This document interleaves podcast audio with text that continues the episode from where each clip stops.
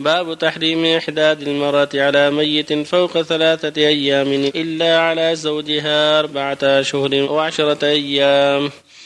عن زينب بنت أبي سلمة رضي الله عنهما قالت دخلت على أم حبيبة رضي الله عنها زوج النبي صلى الله عليه وسلم حين توفي أبوها أبو سفيان بن حرب رضي الله عنه فدعت بطيب فيه صفرة خلوق أو غيره.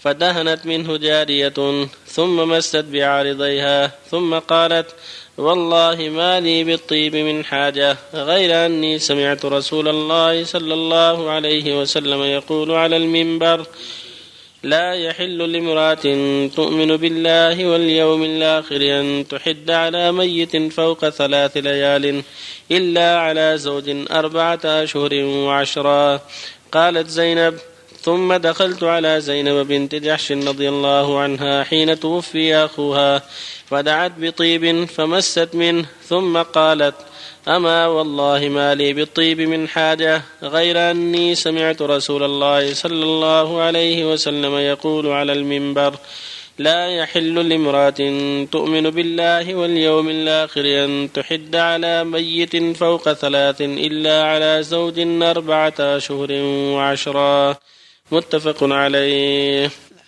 بالله التوفيق صلى الله عليه بسم الله الرحمن الرحيم. الحمد لله. صلى الله وسلم على رسول الله وعلى آله وأصحابه ومن اهتدى بهداه. أما بعد فهذان الحديثان حديث زينب بنت أبي سلمة عن أم حبيبة بنت أبي سفيان رضي الله عنها وعن أبيها وعن زينب بنت جحش رضي الله عنها. وهما من أمهات المؤمنين ومن أزواج النبي صلى الله عليه وسلم. زينب وأم حبيبه تقول زينب دخلت عليهما بعد موت والد أم حبيبه وموت أخي زينب.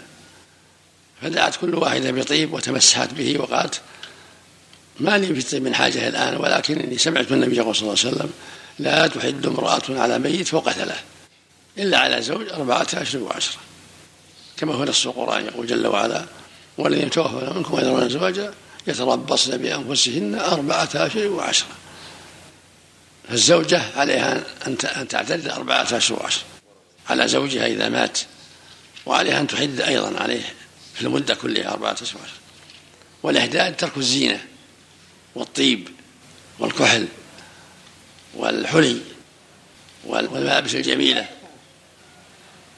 هذا الإحداد المتوفى عنها إذا مات عنها زوجها تلاحظ خمسة أمور. الأول بقاها في البيت إلا من حاجة.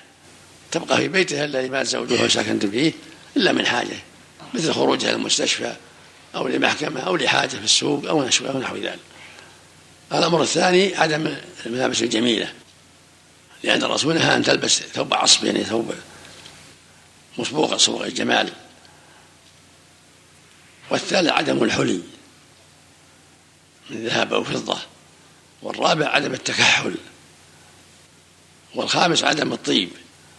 هذه الحادة على الزوج أربعة أشهر وعشر. أما الأقارب ثلاثة أيام فقط. المرأة تحد على قريبها ثلاثة أيام. لا بأس. أخيها أبوها ولدها عمها لا بأس. ثلاثة أيام. لأنه صلى الله عليه وسلم قال لا تحد امرأة على ميت فوق ثلاث إلا على زوج. ولهذا لما مات أبو سفيان حدت عليه ابنته أم حبيبة ثلاثة أيام وهكذا زينب بن جحش حادت على أخيها ثلاثة أيام.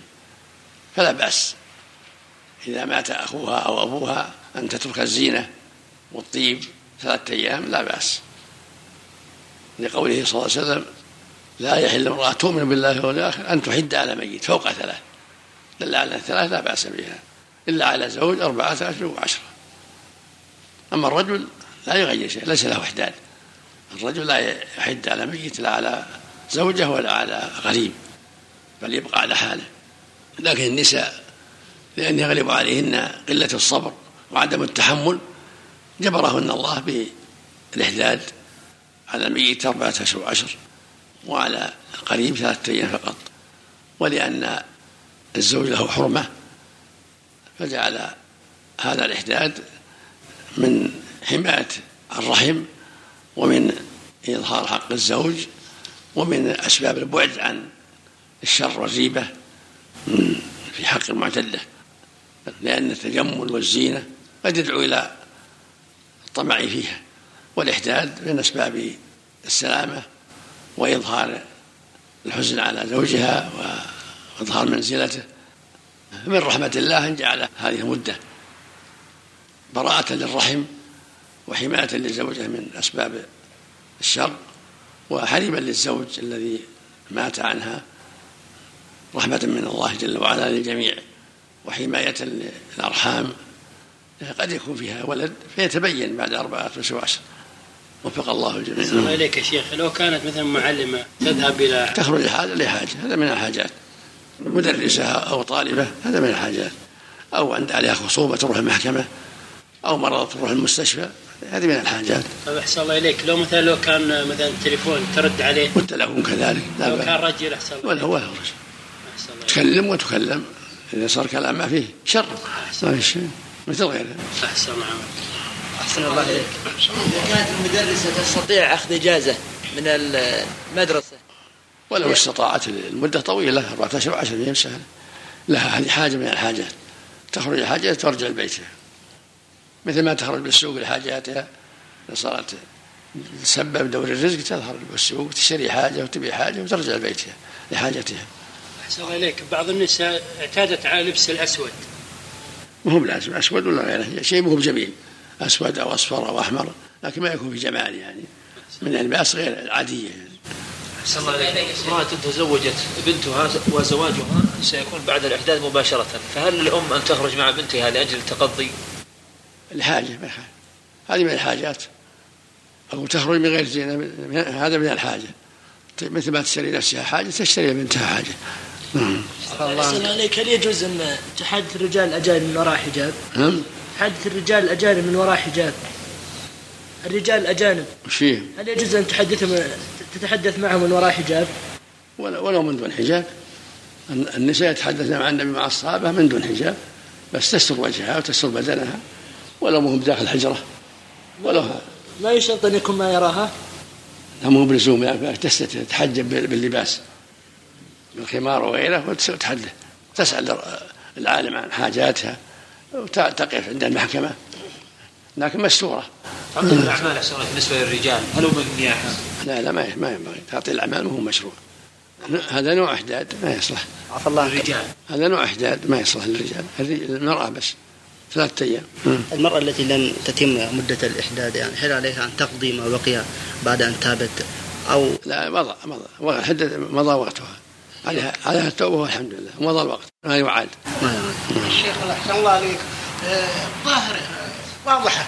آه، ينزل الهندي أو السواق من السيارة الجبس بنات ويهملهن في السوق وراح يخليهن من العصر أو من المغرب للعشاء. ما رأيك؟ وجزاك الله خير. إذا كنا مأمونات ما في بأس. لا حرج إن شاء الله. جزاك الله خير. بارك الله فيكم. بالنسبة للزكاة في بعض البلدان تجمع الضرائب. نعم. تجمع ضرائب وأصحاب المتاجر ما يدفعوش ما يدفعوش الزكاة على أساس إنهم بيدفعوا ضرائب نعم. الضرائب تجزي؟ دفع الضرائب بدل الزكاة. لا ما يجزي الزكاة في حالها. والضرائب ظلم مأخوذ. الزكاه الزكاة على حالها. الهروب من الضرائب وإذا تيسر بدون ضرر على حد ما أما إذا كان هروب يضر احد لا.